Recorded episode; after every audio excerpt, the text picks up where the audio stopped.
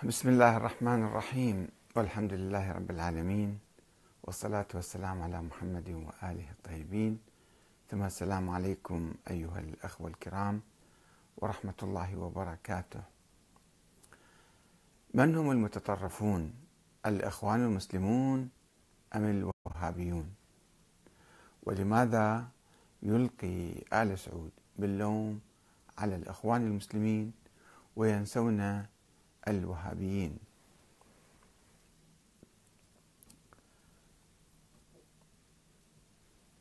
قالت صحيفة أمريكية قبل أيام أن السعودية مقبلة على انقلاب ديني فكري يقوده ولي العهد السعودي محمد بن سلمان ضد الدين المتطرف.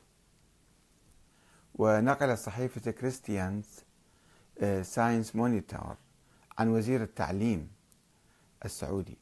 قوله إن المملكة العربية السعودية تعيد تنظيم مناهجها الدراسية لاستئصال أي أثر لنفوذ الإخوان المسلمين. وسوف تطرد أي أحد يعمل في قطاع يتعاطف مع الجماعة المحظورة. وأضاف الوزير إن محاولة تبني شكل معتدل للإسلام. هي واحدة من الوعود التي أطلقها ولي العهد محمد بن سلمان بموجب خطط لتحديث المملكة المسلمة المحافظة بشكل عميق. وتابع أحمد بن سلمان العيسى في تصريح نشر الثلاثاء الماضي أن وزارة التعليم تعمل على مكافحة أيديولوجيات التطرف من خلال مراجعة المناهج والكتب الدراسية لضمان عدم عكسها برامج جماعة الإخوان المسلمين المحظورة. وأضاف أنه سيتم حظر هذه الكتب من المدارس والجامعات وإزالة أولئك الذين يتعاطفون مع الجماعة أو فكرها من مواقعهم. ففي أيلول أعلنت جماعة أو جامعة سعودية كبيرة أنها طردت موظفين لهم صلات بالإخوان المسلمين. وفي وقت مبكر من هذا الشهر صرح الأمير محمد بن سلمان في مقابلة بأن المدارس السعودية تم غزوها من قبل عناصر من الإخوان المسلمين التي صنفت من قبل المملكة العربية السعودية على أنها منظمة إرهابية. جنبا إلى جنب مع منظمات أخرى مثل القاعدة وداعش والدولة الإسلامية. ومع تأسيس المملكة تمتع آل سعود بتحالف وثيق مع رجال الدين من المدرسة الوهابية المتطرفة المحافظة التي تبنت فلسفة سياسية تطالب بطاعة الحاكم. وعلى النقيض فإن الإخوان ينتهجون عقيدة سياسية فعالة تحث على النشاط الثوري. أه وكشفت وكشفت صحيفة وورلد تريبيون يوم أمس عن قيام السعودية برمي الأفكار المتطرفة على الإخوان المسلمين مبينة أن الرياض تحاول أن ترمي الأفكار الإجرامية الوهابية على غيرها. وذكرت في تقرير لها أن ولي العهد السعودي يحاول أن ينكر جرائم الوهابية بحق الإنسانية. موضحة بأن ابن سلمان اقتنع بأن الأفكار الوهابية لا يمكنها من تنفيذ مخططاته في الدول العربية. يعني في الحقيقة هذا محاولة تضليل للرأي العام العالمي أن سبب التطرف والإخوان هم الإخوان المسلمين. عندما نقارن بين الحركتين حركة الإخوان المسلمين وحركة محمد بن عبد الوهاب الوهابية وندرس كل حركة بعمق لكي نرى ماذا آه، يعني تتضمن آه، كل حركة من تطرف. أولا التعميم آه، خطأ يعني مسبقا. عندما نريد أن ندرس أي حركة لا يجوز أن نحكم عليها بصورة عامة خاصة إذا كانت حركة تضرب في عمق الزمان والمكان. يعني صار 100 سنة مثلا. أو وتمتد على مختلف أنحاء العالم الإسلامي. مثل الطوائف الشيعة مثلا عندما نريد أن ندرس الشيعة أو السنة. طائفة ممتدة صار لها ألف ألف وكذا سنة. وممتدة على العالم الإسلامي. وكل كل طائفة فيها تيارات وحركات وأحزاب وجماعات مختلفة. وتطورات قد تكون 180 درجة. هاي تطورات يعني مضادة لما كانت قبل. آه، حزب البعث. حزب البعث تأسس بشكل وانتهى بشكل آخر ومر بمراحل وتطورات قد تكون متناقضة لما سبق. الحركة الناصرية أي حركة أخرى أي ثورة حتى أي دولة عندما تقوم وتنشأ. يعني لابد أن نلاحظ التطورات الحاصلة فيها. ما يجوز نعمم الحكم على جميع الأفراد أفراد الطوائف أو أفراد الحركات والأحزاب والمنظمات. إنما يجب أن نلاحظ بصورة عامة الملامح الرئيسية في هذا الوقت مثلا. آه، وكذلك آه، يعني نلاحظ التطورات وأيضا لا يجوز أن نطلق الأوصاف على جميع الأفراد فإن كل فرد قد يختلف عن الفرد الآخر. إذا أردنا أن نقيم هذه الحركات آه، إذا كانت في الحكم مثلا في مرحلة معينة نقيم الحاكم أو تجربته في الحكم. وإذا كانوا أفراد فنشوف التطورات الحاصلة فيهم. ما يجوز أن نطلق أحكام عامة أساسا. خلينا نشوف الأفكار الرئيسية اللي عند الوهابية والأفكار الرئيسية اللي عند الأخوان المسلمين. مدرسة محمد بن عبد الوهاب إذا لم نقل مذهبه الخاص هم يرفضون طبعا يقولون نحن لسنا مذهب جديد وإنما نحن يعني حركة إصلاحية في المذهب الفلاني مثلا هي قامت على أساس نظرة معينة للتوحيد. أن آه، التوحيد ليس فقط آه، الاعتقاد بالإله الواحد إنما بعبادة هذا الإله توحيد العبادة.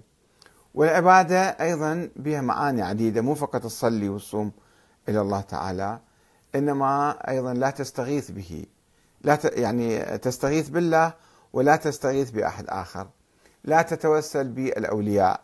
وإذا توسلت بالأولياء أو الأئمة أو استغثت بهم بقبر الرسول مثلا فقد أشركت بالله تعالى.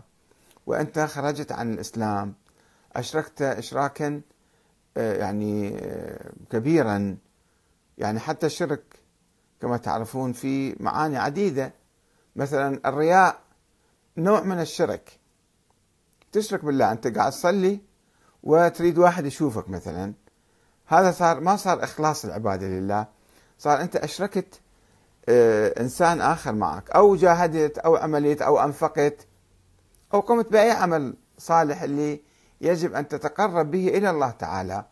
ولكنك لا لا تفعل ذلك. آه، تعمل من أجل الدعاية حتى ينتخبوك بالانتخابات مثلا. فتروح تساعد الفقراء المساكين ولكن مو مو في سبيل الله تتظاهر. وتحمل الكاميرا معك والتلفزيون وراك وشوف الأخ الفلاني شلون دي يتصرف مثلا. هذا يسموه شرك. آه، آه، الوهابية قالت محمد عبد الوهاب يعني قال بأن هذا التوسل بالأولياء وزيارة القبور والاستغاثة بهم هذا شرك أكبر يخرج من الملة. فصار يكفر الناس كلهم. الصوفية كفار الشيعة كفار الكذا كفار الأشاعرة ما أدري شنو. أخرج الناس كلهم من, من دين الله تعالى. وأيضا من آه، يعني من علامات التوحيد عنده أو من مواصفات التوحيد عدم موالاه الكفار. الكفار اللي كان يعني بهم ذيك الأيام الدولة العثمانية. والدولة العثمانية كانت في مصر أيضا. مصر كانوا كلهم ذول كفار ما يجوز واحد حتى يزورهم أو يتعامل معهم أو يواليهم. فإذا واحد والى الكفار أيضا هذا خرج من دين الله. أصبح كافرا مشركا. هاي الوهابية الأولى. الوهابية الحديثة هم طبعا في السعودية قضوا على القبور وهدموا مقابر البقيع ومقابر آه، زيد بن الخطاب أخو عمر بن الخطاب في آه، آه، في نجد. و تقريبا بعد ما في شيء عندهم حتى يعني قضية حتى يرفعوها. ف تبنوا شعارات جديدة. صارت حركة مثلا الحداثة أو يعني مسائل جديدة وبذات الديمقراطية. الديمقراطية الدولة الحاكمة في السعودية اعتبرت الديمقراطية كفر وإلحاد. وبالتالي وجهت كتابها ومفكريها ومفكري الحركة هذه إلى التركيز على محاربة الديمقراطية. الديمقراطية كفر وإلحاد. وشوفوا كتب كثيرة صدرت عندهم وأنا استعرضتها في كتابي آه، جذور الاستبداد في الفكر السياسي الوهابي. آه، وهذه الوهابية الحديثة غير الوهابية القديمة. وأيضا فرعت منها فروع. أيضا قالوا من يوالي الكفار فهو كافر عندما جاء الأمريكان سنة 91 إلى السعودية لكي يدافعوا عنها ضد صدام حسين. قالوا كيف توالون تجيبون هؤلاء الكفار. وكانوا يقولون سابقا ضد عبد الناصر أنه أنت كيف تجيب خبراء روس في الجيش المصري؟ هذه ولاء للكفار وهذا أنت أصبحت كافر. ثم عندما هم استدعوا القوات الأمريكية جمع الشيخ ابن باز حوالي خمسة آلاف آه، شيخ من السعودية وعقد مؤتمر في مكة وقال لا الآن هذا مو ولاء للكفار هذا يجوز أن نستعين بأمريكا ونحارب العراق مثلا. هاي الوهابية الحديثة. بس أهم ملمح فيها هي أنها أداة بيد السلطات أداة سواء السعودية أو غير السعودية. في أي مكان هذه تنشط هي تكون أداة بيد الحكام لكي تقمع الشعب وتخمد الشعب. وما عندها قضية العدالة الاجتماعية أو الحرية أو الديمقراطية هاي كلها مفردات كما تحدثنا عنها يوم أمس عن هذول المداخلة أتباع محمد ربيع المدخلي اللي هو في السعودية ويبث الفكر مالته في كل مكان في اليمن وفي الجزائر وفي مصر وفي شوفونهم دائما يتبعون الحكام. هذا نوع من السلفية الوهابية اللي ما عندهم قضية غير طاعة الحكام وتأييدهم. أه، وما تطوروا وبقى نفس الشيء إلا من يخرج منهم. من يخرج هناك أيضا كثير من الأفراد خرجوا. أه، مثلا أه، حزب الأمة في الكويت والسعودية أيضا. هم أساسهم أو خلفيتهم سلفية وهابية ولكن طوروا أنفسهم إلى حركة ديمقراطية. فطرحوا مبدأ الانتخابات والشورى والديمقراطية واعتماد على الأمة. يعني في تطور عندهم خلفية شوية وهابية تكفيرية في بعض الأشياء ولكن خففوا هاي الأمور من أجل آه، طبعا تعرفون أنتم اللي يكفر عامة الأمة بعد ما يتمكن يعمل بالديمقراطية. الديمقراطية إذا إحنا أعطينا الناس حقوق للانتخاب والتصويت راح يجاوزوهم. هم أقلية يصبحون فئة ناجية فقط هم. وهم أقلية يقول لك أنه الجماعة مو يعني الأمة كلها جماعة اللي هم على الحق. وإحنا اللي الفئة على الحق فإحنا فقط الجماعة. آه، بقية الأمة هذول خارجين عن الجماعة.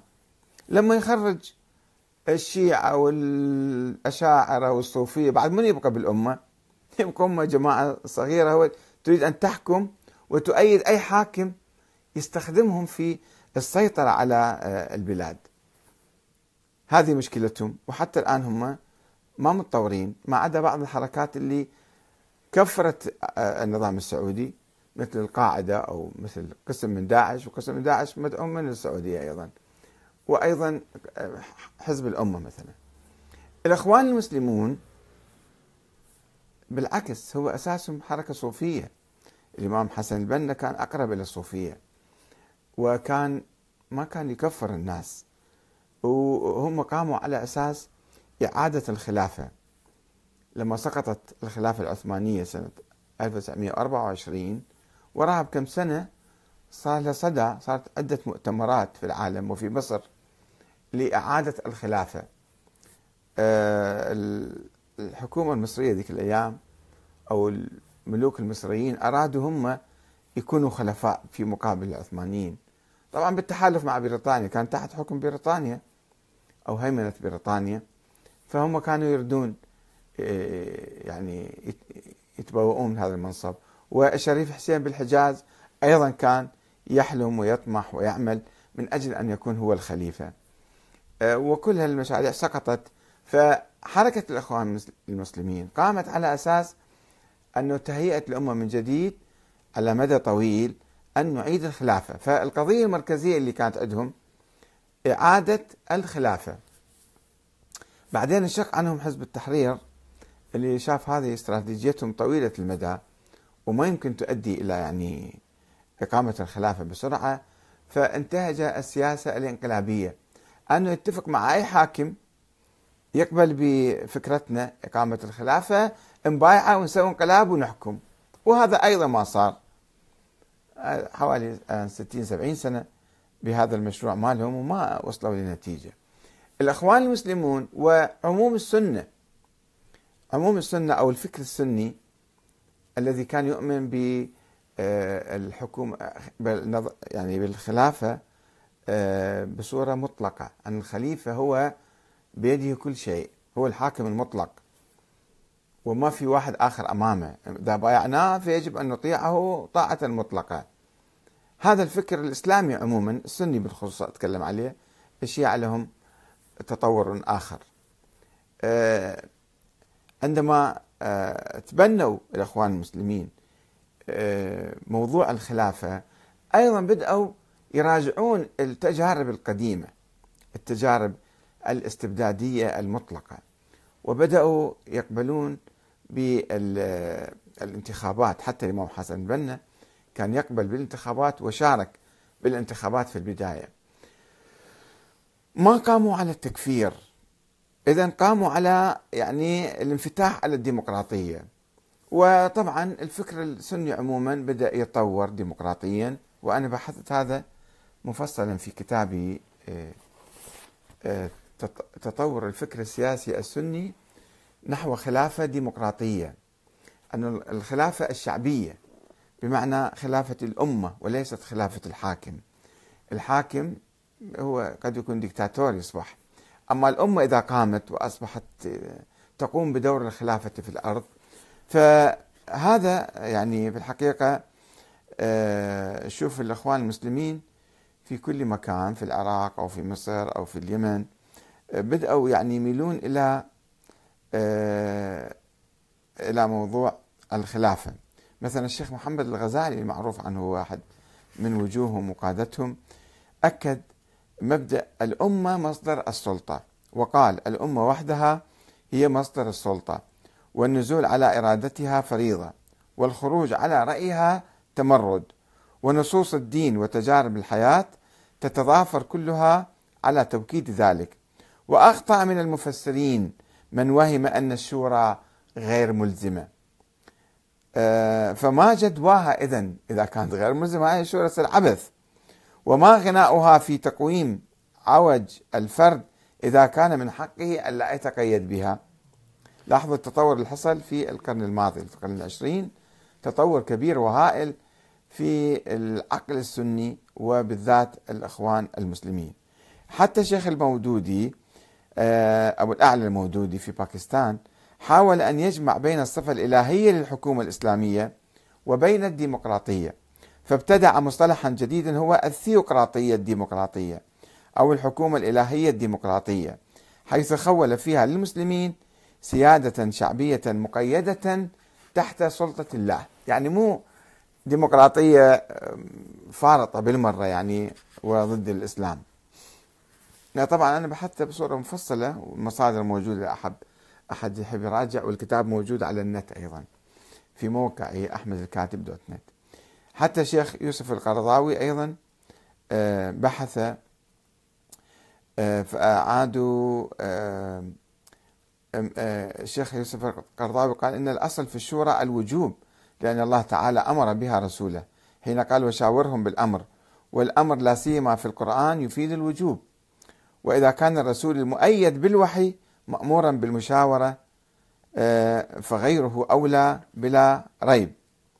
وأيضا حاول يحل العقد الموجودة في هذا الشيء. آه، عبد الكريم زيدان أحد زعماء الإخوان المسلمين في العراق يقول ويؤكد على أن الأمة هي مصدر السلطات وأن رئيس الدولة هو وكيل عنها وهو يباشر سلطاته باسم الأمة وبهذا الاعتبار. ويقول للأفراد حق انتخاب رئيس الدولة فمن اختاروه لهذا المنصب فهو رئيس الدولة الشرعي. ويستند في رأيه هذا إلى قول ابن قدامة أحد فقهاء القدماء ومن اتفق المسلمون على إمامته وبيعته ثبتت إمامته ووجبت معونته. وقول ابن تيمية الإمامة تثبت بمبايعة الناس لا بعهد السابق له. يعني الشيخ راشد الغنوشي أيضا أصل ونظر للفكر الديمقراطي وكما تعرفون هو أيضا يقود تجربة ديمقراطية الآن راهنة ومعاصرة في تونس.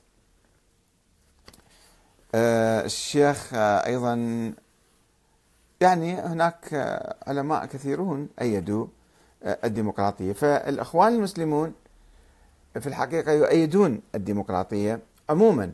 سيمكن في مكان معين في زمان معين فصيل من الأخوان آه، يتلاعب بالديمقراطية يرفض الديمقراطية يستخدم السلاح. هذا أيضا وارد كما هو وارد في كل الحركات وفي كل الأحزاب وفي كل الطوائف. يعني ما نتمكن نعمم حكم واحد حكم آه، على جميع الأخوان. آه، في سواء يعني أيضا يعني الحكم ما يكون في بعد واحد. الحكم على أي جهة على أي دولة على أي طائفة على أي مجموعة. ومنهم الأخوان المسلمين لا يكون على بعد واحد. قد يكون بعد ديمقراطي عنده بعد وطني آه، ضعيف عنده. في علاقات مثلا مع دول أجنبية. آه، أو عنده استقلال بس بعد اجتماعي ما عنده. كما تشوفون بعض الحركات الإسلامية. آه، غير الإخوان حتى. آه، يعني هناك أبعاد عديدة. آه، أبعاد وطنية ديمقراطية آه، أخلاقية بممارسات على الأرض تختلف من واحد إلى واحد ومن شخص إلى شخص آخر. الإخوان المسلمون في العراق مثلا مشاركين في العملية السياسية. وملتزمون بها أيضا.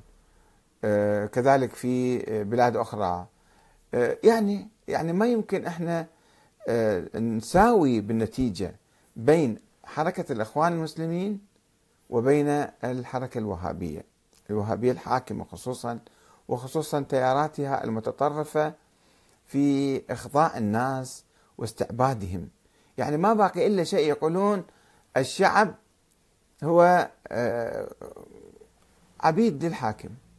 لا لهم أي حرية ولا أحق ولا آه، حق في الاعتراض أو آه، الانتقاد أو التظاهر. كما شفتوا الحركة المدخلية البارحة تحدثنا عنها بالتفصيل اللي يحب يرجع لها. بينما الإخوان المسلمين ليسوا كذلك. فالإخوان المسلمين أيضا عندما عارضوا عبد الناصر قبل حوالي ستين عاما لجأوا لجأ الكثير من عندهم من مصر من سوريا من العراق لجأوا إلى آه، السعودية. السعودية احتضنتهم وامتزج بعضهم بالفكر الوهابي. مثلا الحركة السرورية. محمد زين العابدين سرور زين العابدين. هذا كان آه، أحد زعماء الإخوان في سوريا. لجأ قبل حوالي خمسين سنة يمكن إلى السعودية وأخذ يدرس فيها واندمج معهم فأسس حركة جديدة في داخل السعودية اسمها الحركة السرورية. هذه مثلا آه، بقية الوهابيين لا يؤمنون بالعمل السياسي والثوري والتنظيمي ضد الدولة. فهو بث فكر الإخوان الحركي في صفوف الحركة الوهابية وبالتالي استطاع أن ينظم جيلا أو جماعة كبيرة أو حركة هي آه، ضد النظام السعودي. وطرح في الحقيقة بعد قيام الثورة الإسلامية في إيران التي قامت على أساس ولاية الفقيه وأن العلماء هم يحكمون فهذا محمد سرور زين العابدين آه، قال تقريبا يعني استورد هاي النظرية. وقال العلماء في السعودية يجب أن يحكموا على الأمراء. وأعاد قراءة التاريخ الوهابي السعودي. آه، تعرفون أنتم الوهابية الدولة السعودية الأولى. هناك ثلاث دول سعودية قامت. الدولة السعودية الأولى اللي قامت في أواسط القرن الثامن عشر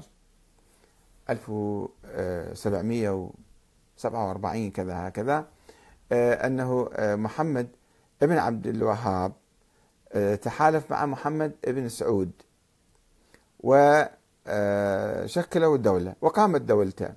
وبعدين ورث ابنه وابنه الثالث وهو كان الشيخ محمد عبد الوهاب يرعى هذه الدولة. فكان هناك أمراء وكان الشيخ إلى جانبهم. فمن كان يحكم؟ الشيخ كان هو الأمير الحاكم أم وهو ولي الفقيه يعني أم أن الأمراء السعوديون كانوا يحكمون. هذا حدث بالتاريخ. ثم انفرطت غزا محمد علي باشا إبراهيم ابنه غزا الدولة آه، آه، هذه الأولى السعودية الأولى وقضى عليها. ثم نشأت حركات أخرى ودول تحت رعاية الدولة العثمانية المصرية يسمى الدولة الثانية. والدولة الثالثة هاي اللي قامت سنة 1902 عندما ذهب آه، عبد العزيز من الكويت كان لاجئ ذهب إلى الرياض واحتل الرياض وقامت هاي الدولة القائمة الآن اللي كانت في البداية في نجد ثم امتدت للحجاز وصارت بعدين المملكة العربية السعودية. هاي الدولة الثالثة. فهذا آه، محمد سرور زين العابدين أعاد قراءة التاريخ الأول. قال لا الشيخ محمد عبد الوهاب هو الذي كان يحكم والأمراء كان تابعين له. فالسعوديين انتبهوا لهذه النقطة وراحوا سموا جامعة الإمام محمد بن سعود أطلقوا عليه اسم الإمام. أنه هذا مو أمير كان لا هو إمام كان يعني هو الحاكم. وليس محمد بن عبد الوهاب كان إماما لم يكن إماما. كان شيخا مؤيدا مساندا داعما للدولة السعودية الأولى. هذا الصراع وانتهى تقريبا حسموا آل سعود الدولة والمشايخ كلهم الآن منذ قامت هذه الدولة الأخيرة هم تابعين للدولة السعودية وليسوا مشرفين عليها أو هم بيدهم سلطة أو شيء من القبيل. هو الملك يشيل واحد يحط واحد يلغي واحد كيف يعني؟ ويطلق العنان لواحد حتى يكفر هذا وذاك أو يلجمه ما يخليه يتكلم بعد. وما ماذا يريد أن يفعل هو. فالمشكلة في الحقيقة في السعودية آه، ليس بمجيء الإخوان المسلمين. الاخوان المسلمين إجوا ودخلوا في دوائر الدولة الثقافية خصوصا والتعليمية وثم ذهبوا. وعندما حكموا في مصر أيام محمد مرسي انقلب عليهم آل سعود لأنه أصبحوا منافسين لهم. وآل سعود ما يريدون دولة منافسة لهم وخاصة من السنة. هم ما طايقين الشيعة اللي حاكمين في إيران فكيف يجي واحد مصري هو يستقطب العالم الإسلامي ويشكل قطب أمامهم وربما يقضي عليهم؟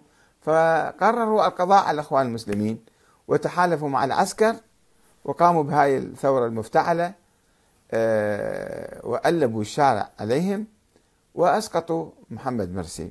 اسقطوا كان حاكم منتخب رغم اختلافي معه أنا وعندي ملاحظات عليه ولكنه كان حاكم منتخب بعكس آل سعود اللي كله بالوراثة جايين ونظريتهم تقوم على الوراثة ما تقوم على أي ديمقراطية وأي شورى ما عندهم.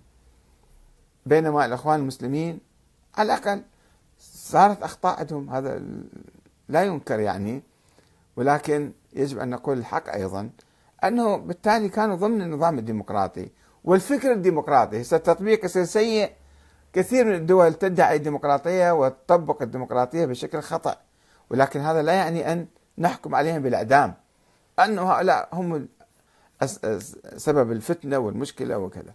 لا أنت شوف إذا تصلح الأمور يعني واحد يدعي الإصلاح ويقول أنا راح أبقى خمسين سنة بالحكم هذا وإجيت أنت بالوراثة وإجيت بلي نصيب طلعت. فأي إصلاح وأي دم أي يعني ليبرالية تتحدث عنها. آه، إذا كان آه، الحاكم السعودي حقيقة جاد في الإصلاح فأول شيء أن يحول المملكة إلى جمهورية يعني إلى الشعب يحكم والنظام يكون ديمقراطي والشعب له صوت. هذا طبعا بعيد جدا عن حتى ما يحلمون به حتى ما يشكل كابوس عليهم. فالإخوان المسلمون هم جزء من الأمة وفصيل متطور آه، ديمقراطيا. مع أكرر مع أنه في قد تكون هنا وهناك تحدث من بعض الأفراد من بعض فصائل الأخوان المسلمين آه، بعض الأخطاء أو بعض المواقف السيئة أو كذا سواء اختلفنا معهم أو آه، يعني اتفقنا معهم. ولكنهم بصورة عامة هم في حركة النهوض الإسلامية. وحركة النهضة الإسلامية لا تتم إلا بالديمقراطية. يمكن تستغربون أو خاصة بعض الإسلاميين يتعجبون أنه ما ما ربط الديمقراطية بالإسلام. الإسلام موجود وحضارة. لا لأنه إحنا إذا أردنا أن آه، نحلل أسباب انهيار الأمة الإسلامية وأنا تحدثت عن ذلك آه، بعض الشيء في كتابي هذا تطور الفكر السياسي السني. حقيقة عندما ندرس كل التجارب التاريخية نرى أن نظام الوراثة والاستبداد والانقلابات العسكرية هذا هو اللي حطم الأمة.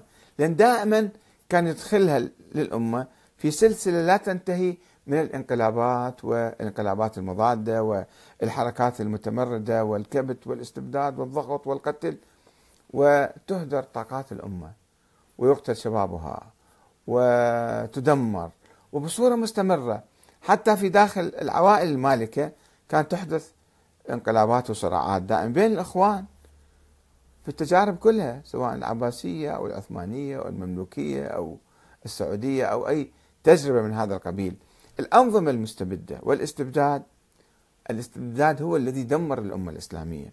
فالحل يعني وفي مقابل ذلك كيف نهضت أوروبا؟ نهضت بالديمقراطية.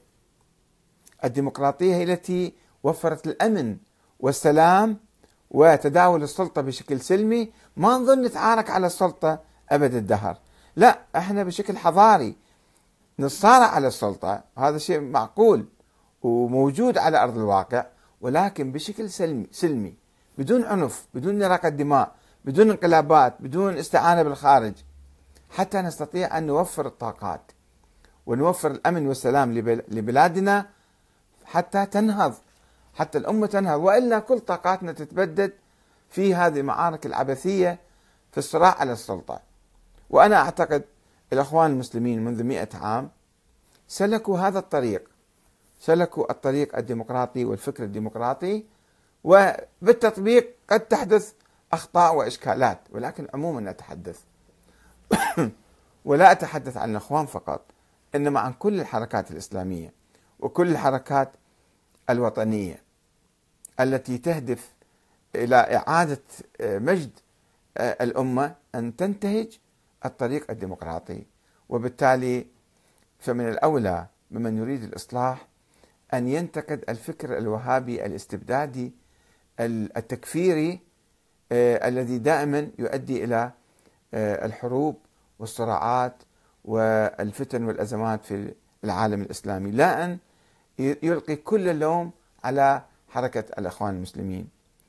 ولا تقولوا أنا أصبحت من الأخوان المسلمين. أنا لست من الأخوان المسلمين. ولكن أنا أحلل الظاهرة تحليل تاريخي حضاري. حقيقة أنا لا أنتقد انتقاد عشوائي ولا أمدح مدح عشوائي. أنا أعتقد هذا الخط يجب أن يستمر سواء في العراق في إيران في مصر في السعودية في سوريا في أي بلد إسلامي آخر. المهم نسير باتجاه الأمة تنهض. والأمة تنهض كيف؟ وتتحمل مسؤوليتها عبر الطريق الديمقراطي. أن تشارك في السلطة. وأن تكون هي مراقبة ومحاسبة ومتولية لشؤونها. مو يجي واحد يحكمها بالقوة والإرهاب ثم يلقي اللوم على الآخرين. والسلام عليكم ورحمة الله وبركاته.